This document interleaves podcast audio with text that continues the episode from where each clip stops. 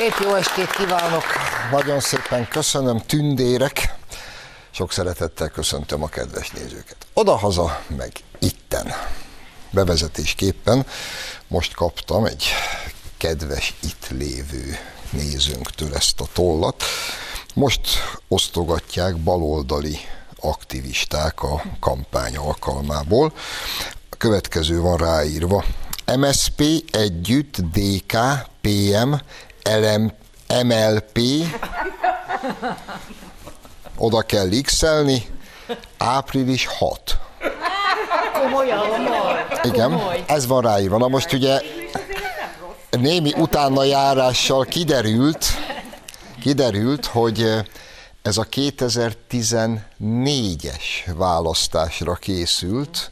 Valószínűleg a raktáron maradt egy nagyobb tétel, és gondolták, most kiosztják, ami nagyon helyes. Az a fontos, hogy aki ezt megkapta, és egyébként baloldali szavazó, mindenképpen április 6-án fáradjon az urnákhoz. Ezt nem szabad elfelejteni. És már, és már nagyjából ez volt a jó hírem, ugyanis most meg fogom önöknek mutatni, hogy tényleg eljött a világ vége, jó? Eljött a világ vége, és sajnos ez nem is annyira nagyon vicces. Ugyebár itt az elmúlt héten, meg két héttel ezelőtt már értekeztem érdekes dolgokról, amerikai egyetemeken mi folyik, miket oktatnak, gyerekeket el kell venni a szülőktől, meg hogy a másik az, múlt héten beszéltünk, akin szerint az egyéves gyerekkel való szex sem rossz, ő nem tudja ezt rosszként értelmezni. És akkor mondtuk, hogy itt az egyetemi világban egészen elképesztő, hogy mi folyik. No, drága szíveim, akkor most mindenki kapaszkodjon meg a székébe. Először mondom a rövid kis hírt. Joe Biden egy közismert transvestitát, a bizarr és deviáns viselkedéséről is ismert drag queen-t, a nem bináris személyes névmások hangos támogatóját, Sam Brinton nevezte ki az amerikai energiaügyi minisztérium nukleáris energiával foglalkozó osztályának élére. Eddig ugye a hír, még kérem, őróla beszélünk. Ugye eddig így a hír így önmagában, ezt már lassan megszoktuk, hogy ilyen fazonokat kineveznek felelős pozíciókba. És azért mondjuk az Egyesült Államok nukleáris energiával foglalkozó osztályát vezetni, azért lássuk be, az, az mégse akármi. Na, őt találták a legalkalmasabbnak erre, de ezen még úgy csak-csak túltennénk magunkat, de olvastam tovább, jó? Brinton önmagát pub handlernek is nevezi, amely kifejezés az amerikai slangben azt a homoszexuális férfit definiálja, aki egy bizarr fétis játék közben a kutyának öltözött, szájkosaras, láncos homoszexuális partnerét kutyaként sétáltatja pórázom. Itt a mi barátunk, tekintsétek meg, tehát ne, nem győzöm elégszer hangsúlyozni, ő ma az Egyesült Államok nukleáris ügyekkel foglalkozó osztályát vezeti. És amikor hazamegy, akkor fölöltözik így, szépen kisminkeli magát, és a kis kutyának öltözött barátaival elmegy sétálni, pórázon, aztán hazaviszi, és valószínűleg ugyanebben a pózban mindjárt meg is őket. Hogy ez mennyire nem vicces, folytatnám, jó? Ez a csávó, mint most kiderült, Rendszeres vendég volt a Fehérházban Barack Obama elnöksége idején is, ugyanis ő volt az elnököt a ö, elnök LMBTQ politikai tanácsadója. Hm? Úgyhogy nem, a srác régi bútordarab. Itt van, amikor éppen szeretik egymást. Rod Dreher a Mandineren írt egy cikket, mert őnála is kiverte a biztosítékot ez az ügy, ahol még néhány apróságot megtudhatunk. Erősen figyeljetek. A kötözéses fegyelmezés szószólója és oktatója volt korábban ez, beleértve főiskolai hallgatók tanítását a kink, azaz a megtörés és megkötözés szexuális technikáira.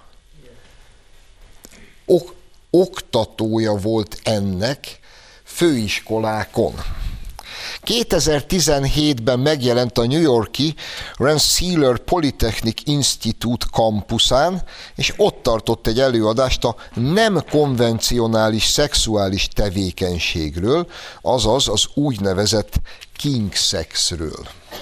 És erről az előadásáról akkor az iskola újságjában egy nagyon lelkes ifjú hallgató, aki az újságba írt, be is számolt. Ebben a következőket olvashatjuk. Számtalan anekdotával ajándékozott meg minket, mint például azzal, hogy mennyire élvezi, ha a párját kikötözi úgy, mint egy asztalt, és róla eszi meg a vacsoráját, miközben a Star Trek-et nézi. Írja a New Yorki főiskolai labban 17-ben, előadás utána a kedves főiskolás. Hm? Kifejtette a kutyakölyök játékkal kapcsolatos tapasztalatait, a king sex és a fetisizmus közötti különbségeket, valamint megosztotta velünk a partner biztonságos folytogatására vonatkozó tapasztalatait is. Na most nem olvasom tovább, mert nincs is kedvem. Gyerekek, mm, tehát akkor rögzítsük a tényeket. Ez itt ma az Egyesült Államok energetikai hivatalán belül a nukleáris főosztály vezetője. Most nevezte ki az elnök úr. Mint megtudtuk, ez itt, ezen a kis hivatali munkáján túl eleljár különböző főiskolákra, ahol megtanítja, hogy hogy kell így plusz kikötözős technikákat is oktat, és ez rettenetesen nagy lelkesedéssel tölti el az ő hallgatóit. És akkor mégiscsak úgy fölteszi az ember a kérdést, hogy nem ez a világ vége? Nem, nem, nem? Mert nincs is mert. Ez az a pillanat, ahol, ahol a józanész kapitulál. A normalitás leteszi a fegyvert, kapitulálunk, és azt mondjuk, hogy innentől nincs tovább. Illetve innen, ahova van tovább, az az, az út, az a, a mi számunkra valószínűleg járhatatlan. És amikor mondjuk eltöprengünk április harmadikán a gyermekvédelmi törvény népszavazásáról, akkor jusson, azért, azért jusson majd mindenkinek az eszébe. Ez főiskolákra jár, kikötözéses szex, meg szadomazó szex technikákat oktatni. Ugyan kimerészelni, kijelenteni ma teljes bizonyossággal, hogyha most a főiskolai kampuszokon oktatja, akkor jövőre majd nem hívják meg egy gimnáziumba. És két év múlva nem fogják meghívni egy általános iskolába, aztán meg az oviba. Mert hiszen mi a probléma ezzel, nem? Hát magas hivatalt visel. Ki van nevezve? Ezeket normális, egészséges korokban, hát normális, egészséges kultúrákban és civilizációkban ezek azért ugye mindezt próbálják eltitkolni.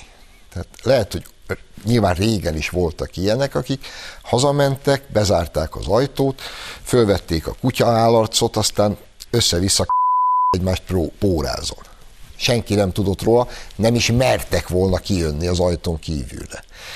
Ma ott tartunk, hogy magas hivatalt viselnek, büszkék rá, és főiskolán oktatják.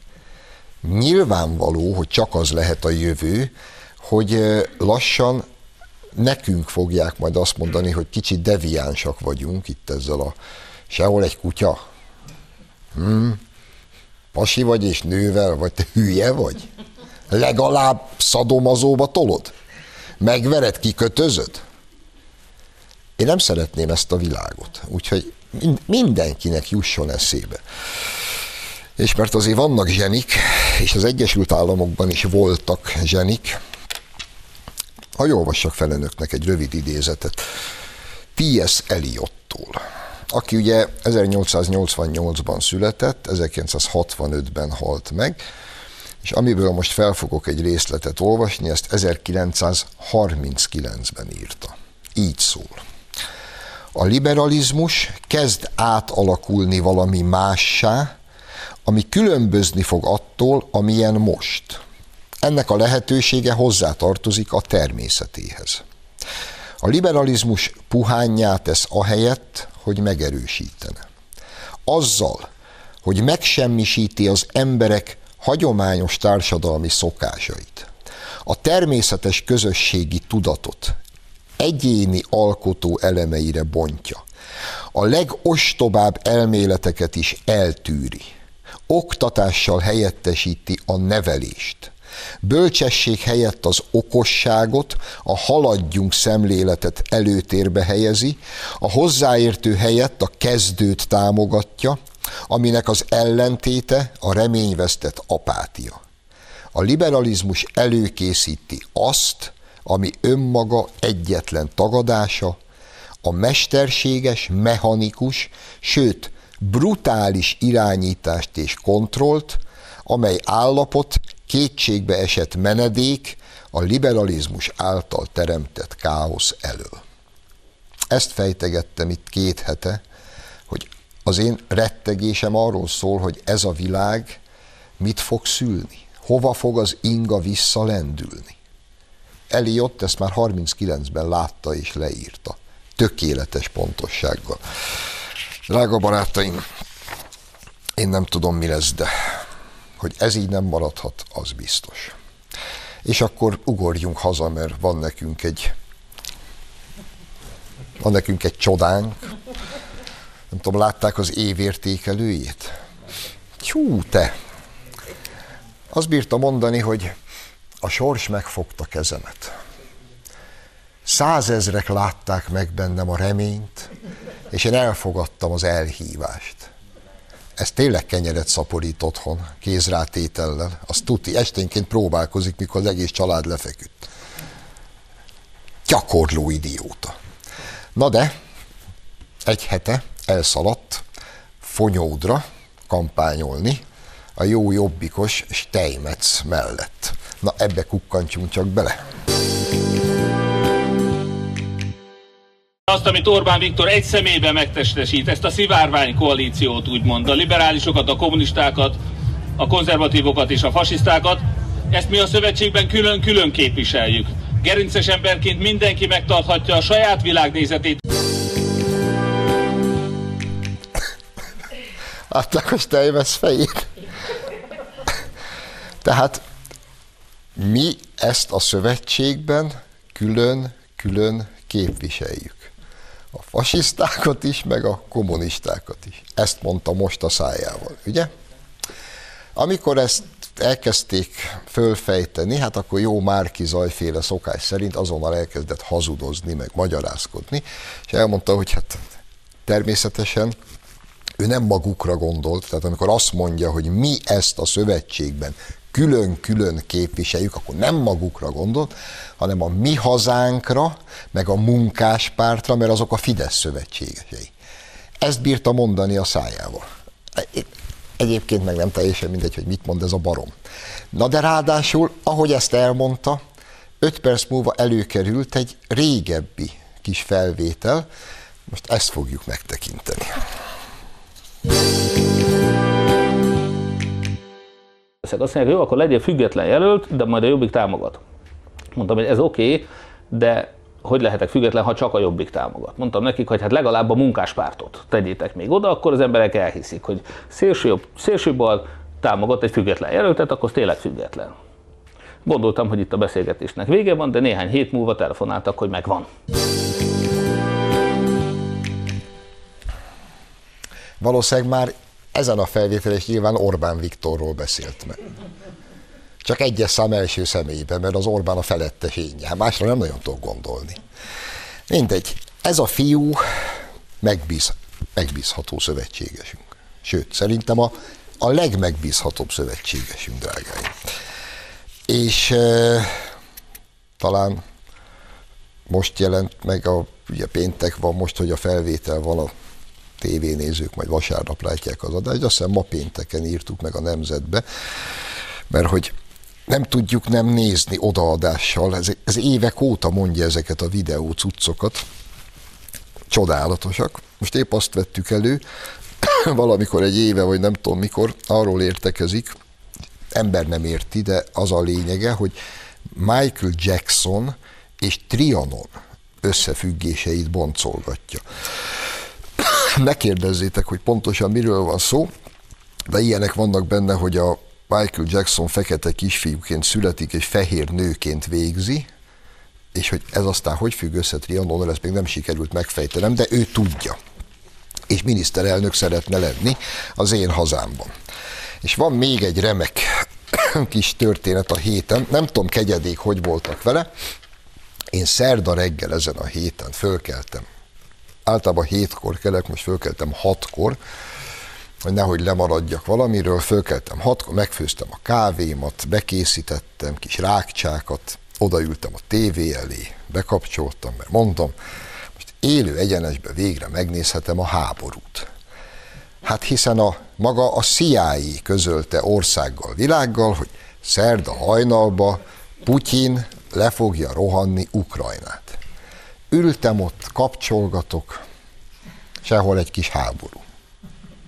Helyette a kutya jött szembe. Ez volt a legfontosabb hír. És nézem, hogy itt valami nem stimmel, hát, hát a CIA, hát a CIA csak tudja, hogy mit beszél. Elmaradt a háború. Aztán eltelik egy pár nap, és olvasom német ex-tábornok kijelentését, Putyin nem fog támadni, az biztos, mondja egy német egykori vezérkari tiszt. Német hadsereg volt főfelügyelője szerint Putyin pontosan kiszámolta, mit is hoz neki a tegnap bejelentett csapat, ki, csapat visszavonás, így a sakhúzással bizonyítani tudja, hogy mellé fogtak az amerikaiak, amikor korábban azt közölték, hogy ma indul az invázió. Majd hozzátette, egyébként nincs katonai fenyegetés, Putyin nem fog támadni. Egyébként tényleg izgi ez a világ, ha ott tartunk, hogy el tudnak kegyedék képzelni egy olyan háborút, amit előre, napra és órára bejelentenek, és akkor az el is indul. Ugye azért, és ma, ma tényleg ott tart a nyugat, hogy ezt megpróbálják elhitetni az emberekkel. És akkor a 16-án nem, utána jött Biden bácsi két nap múlva, miután kinevezte barátunkat, és mondta, hogy ő érzi, hogy mindjárt lesz támadás. Érzi. Valahogy a levegő tapintja. Tapintja az elnök úr, hogy lesz. És tudjátok, igazából így morfondíroztam ezen, de ez jó lesz végszónak. Valaki elküldte nekem, a Youtube-on fenn van egy felvétel arról, hogy az orosz hadsereg misén vesz részt, ortodox misén, mert ott egyébként ez kötelező. Csináltunk ebből egy rövid kis összeállítást, kukkantsunk bele. И победив и тем начало и власти тьмы, совлады... Языки духи мои возвратится в землю свою, то не погибнут вся Бога своего,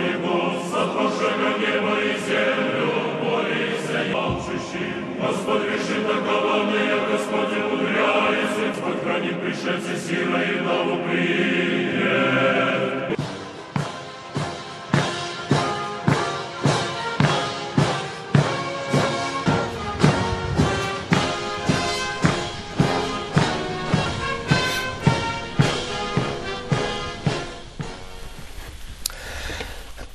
Most mondják meg nekem őszintén, ha az a választás marad, hogy a kutya világát, vagy ezt kell választani, akkor van kérdés, hogy melyiket választjuk.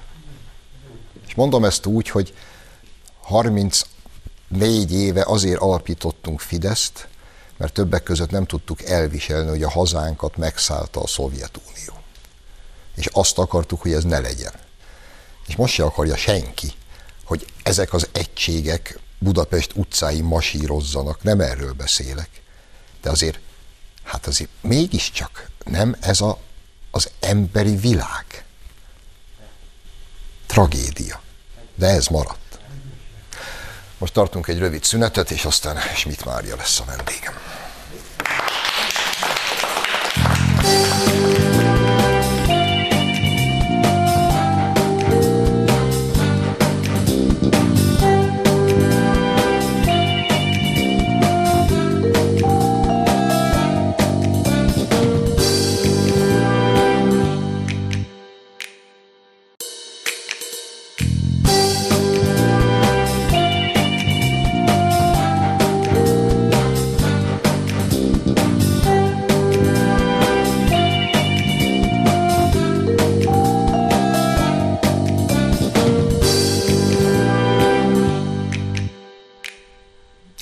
És folytatjuk az adást. Vendégem tehát a stúdióban Schmidt Mária, a Terrorháza Múzeum főigazgatója. Nagy szeretettel köszöntelek. Szia Mari! Mielőtt rátérünk a, arra a témára, amiért valójában hívtalak, azért nem fogom megállni, hogy egy kicsit a politikában ne fetrengjünk adás előtt beszéltünk, és mondtad, hogy te nem nagyon bírtad végignézni a Márki Zajféle évértékelőt. Bevallom én se, de azért ilyen kivonatokat és összefoglalókat megtekintettem belőle. Két mondatot szeretnék idézni tőle, és akkor kérem a véleményedet. Az első mondat így szól. A sors megfogta kezemet. Százezrek látták meg bennem a reményt, és én elfogadtam az elhívást. Hát nem tudok ezzel a pátosszal mit kezdeni, szerintem, szerintem politikus nem beszél így, egy proféta beszél így, vagy, vagy egy szekta vezér, vagy nem tudom kicsoda, tehát küldetéses embernek tűnik, aki azt gondolja, hogy ő annyira tévedhetetlen és zseniális, hogy neki egyrészt mindenről van véleménye, és mindenről pontosan tudja a tutit. Nem találkoztam még komoly emberrel, aki nem mondja azt, hogy hát ezt nem tudom, ennek utána kell néznem, most ebben nem vagyok elég tájékozott.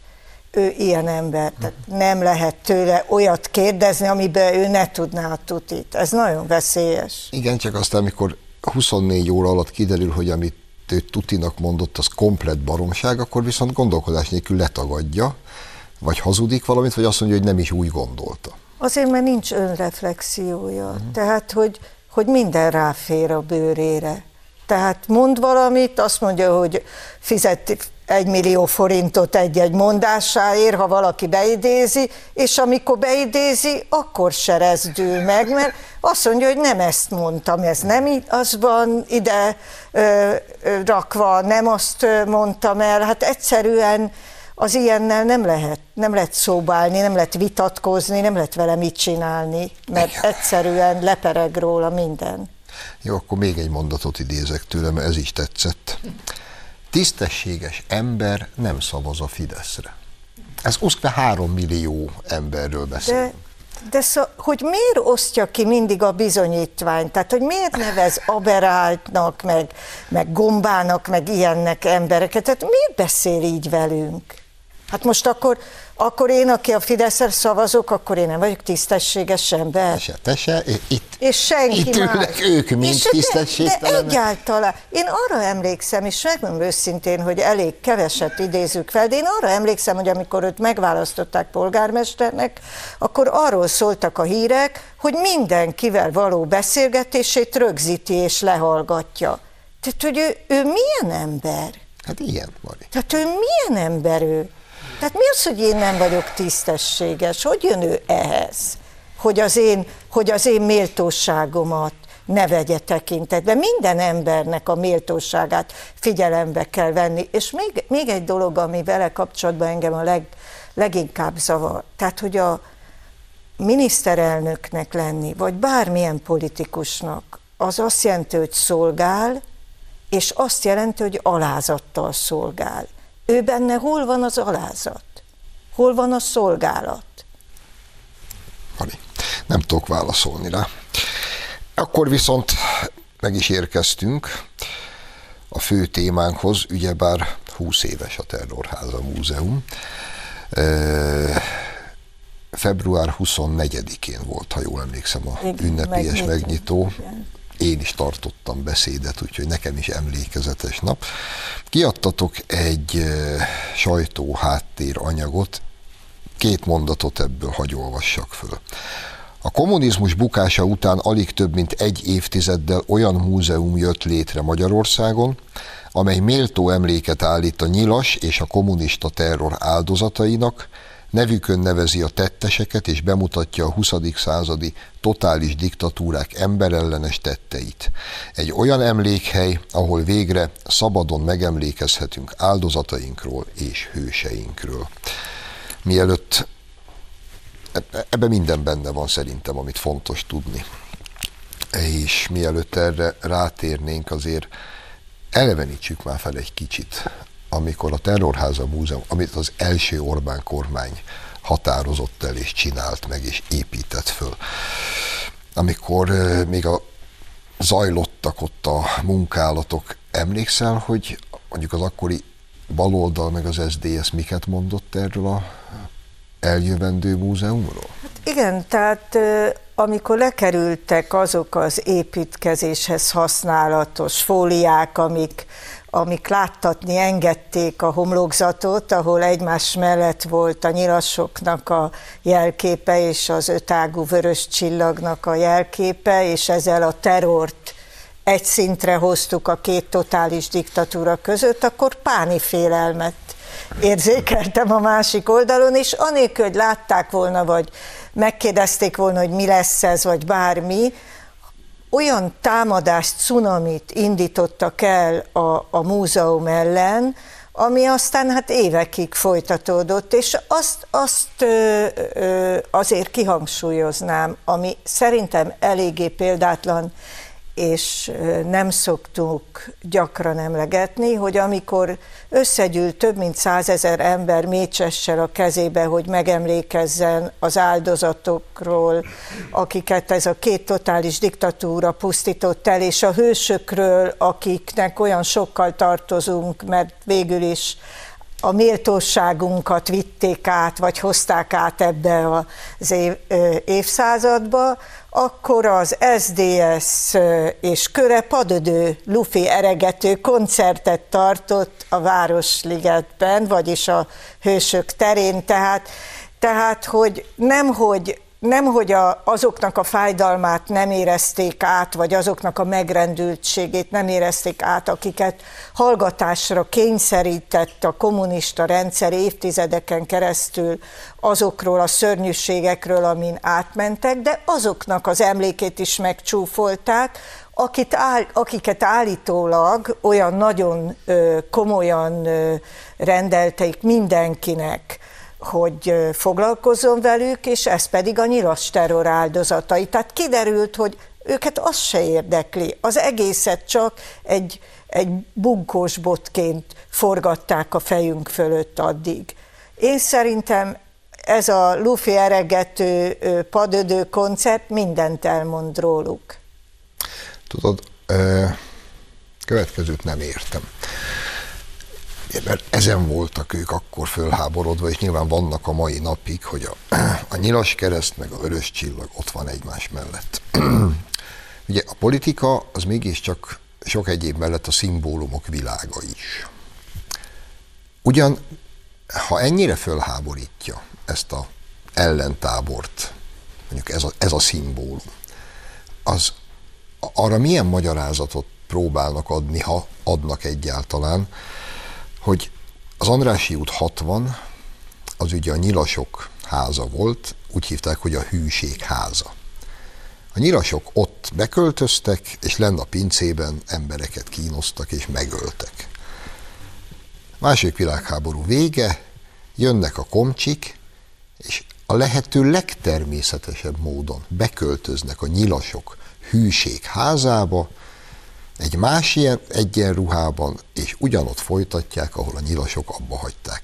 Ezért mondom, hogy a politika szimbólumok világa, az, hogy egymás mellett van a nyilas kereszt meg a vörös csillag, azt nem te találtad ki, hanem ők maguk. Ők vállalták. csinálták. Ők csinálták. Igen, de tulajdonképpen nem is erről volt itt szó. Arról volt szó, hogy meg tudják-e őrizni azt a monopóliumot, hogy ők értelmezik a múltat, hogy ők értelmezik a kommunista múltat, mert végül is 45 éven keresztül azt mondták nekünk, hogy hát ez egy nemes és jó kísérlet. Hát történtek hibák ugyan, meg voltak olyan dolgok, amik nem olyan jól sikerültek, de összességében ez egy tiszteletre méltó dolog volt, ez egy tiszteletre méltó kísérlet volt egy jobb világért. És miután 89-90 után is ez az értelmiségi elit Magyarországon megtartotta a pozícióit,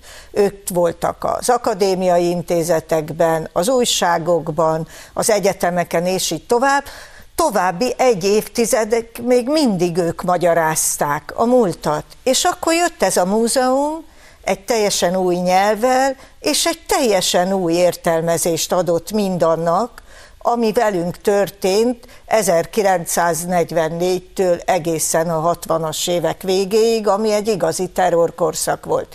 És ha valamit, ezt nem tűrhették. Azt nem tűrhették, hogy elmondjuk az igazságot arról a kommunista múltról, ahol ők nem a jó oldalon voltak.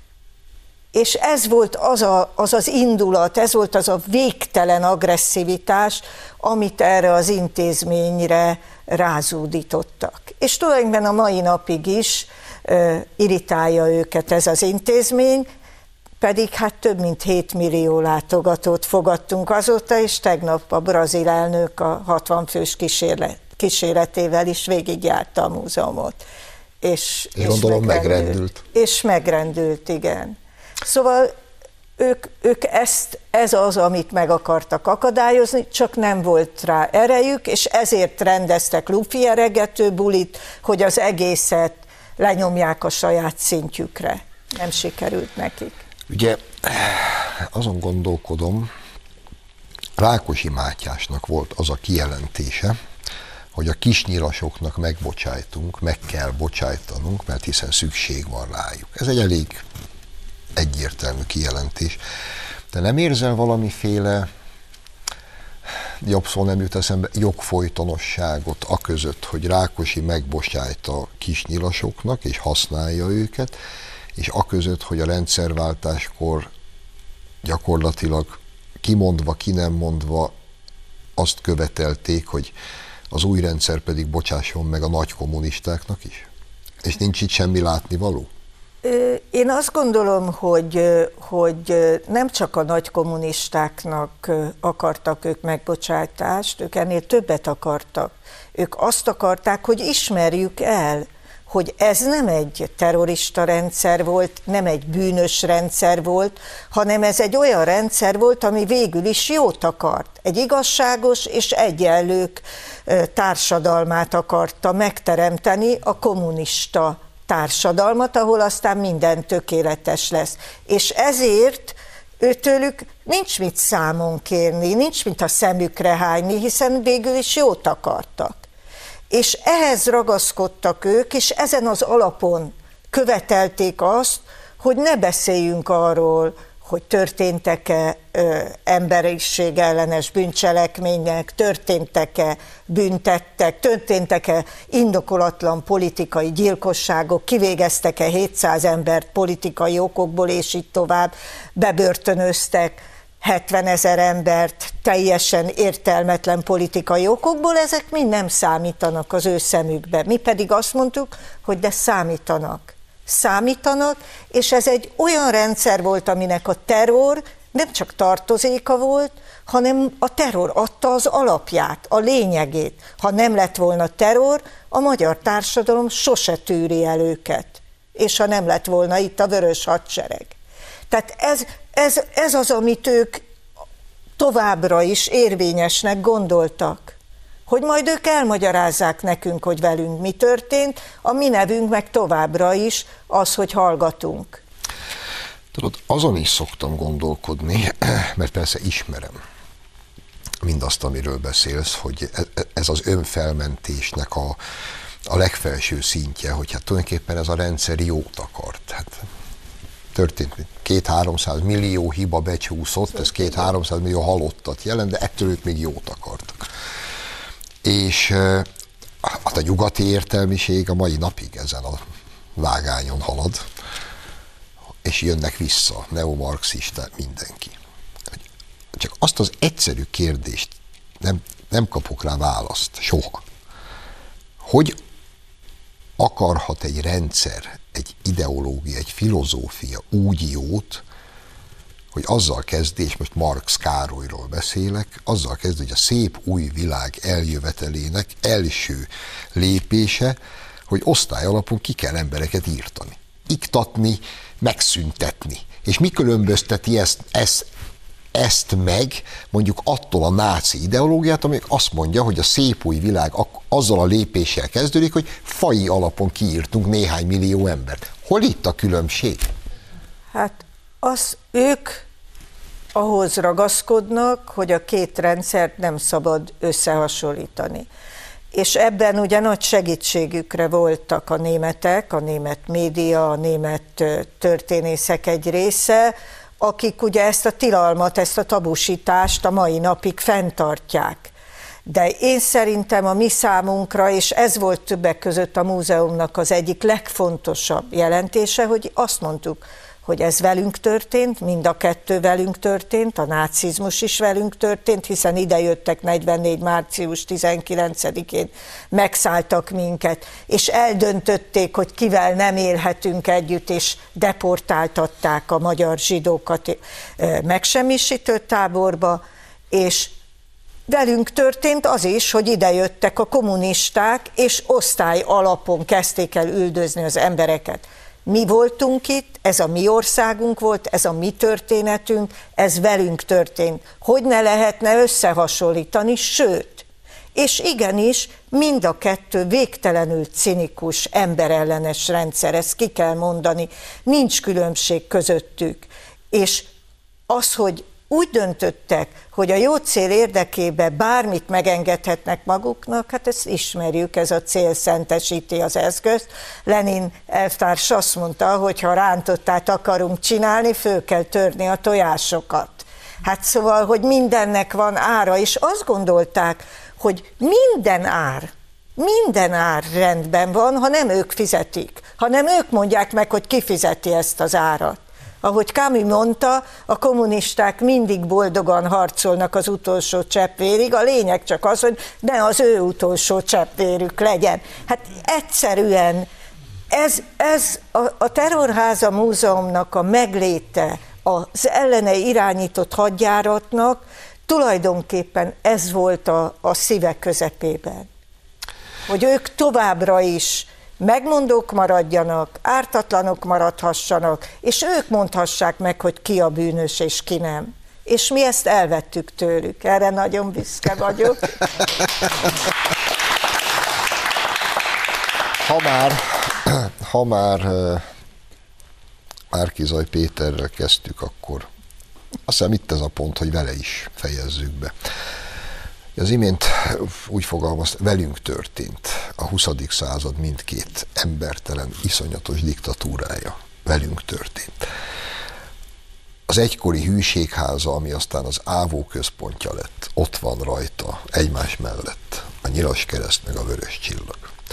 A baloldal miniszterelnök jelöltje egy héttel ezelőtt büszkén kiállt, és elmondta, ő, ők külön-külön képviselik a fasisztákat és a kommunistákat.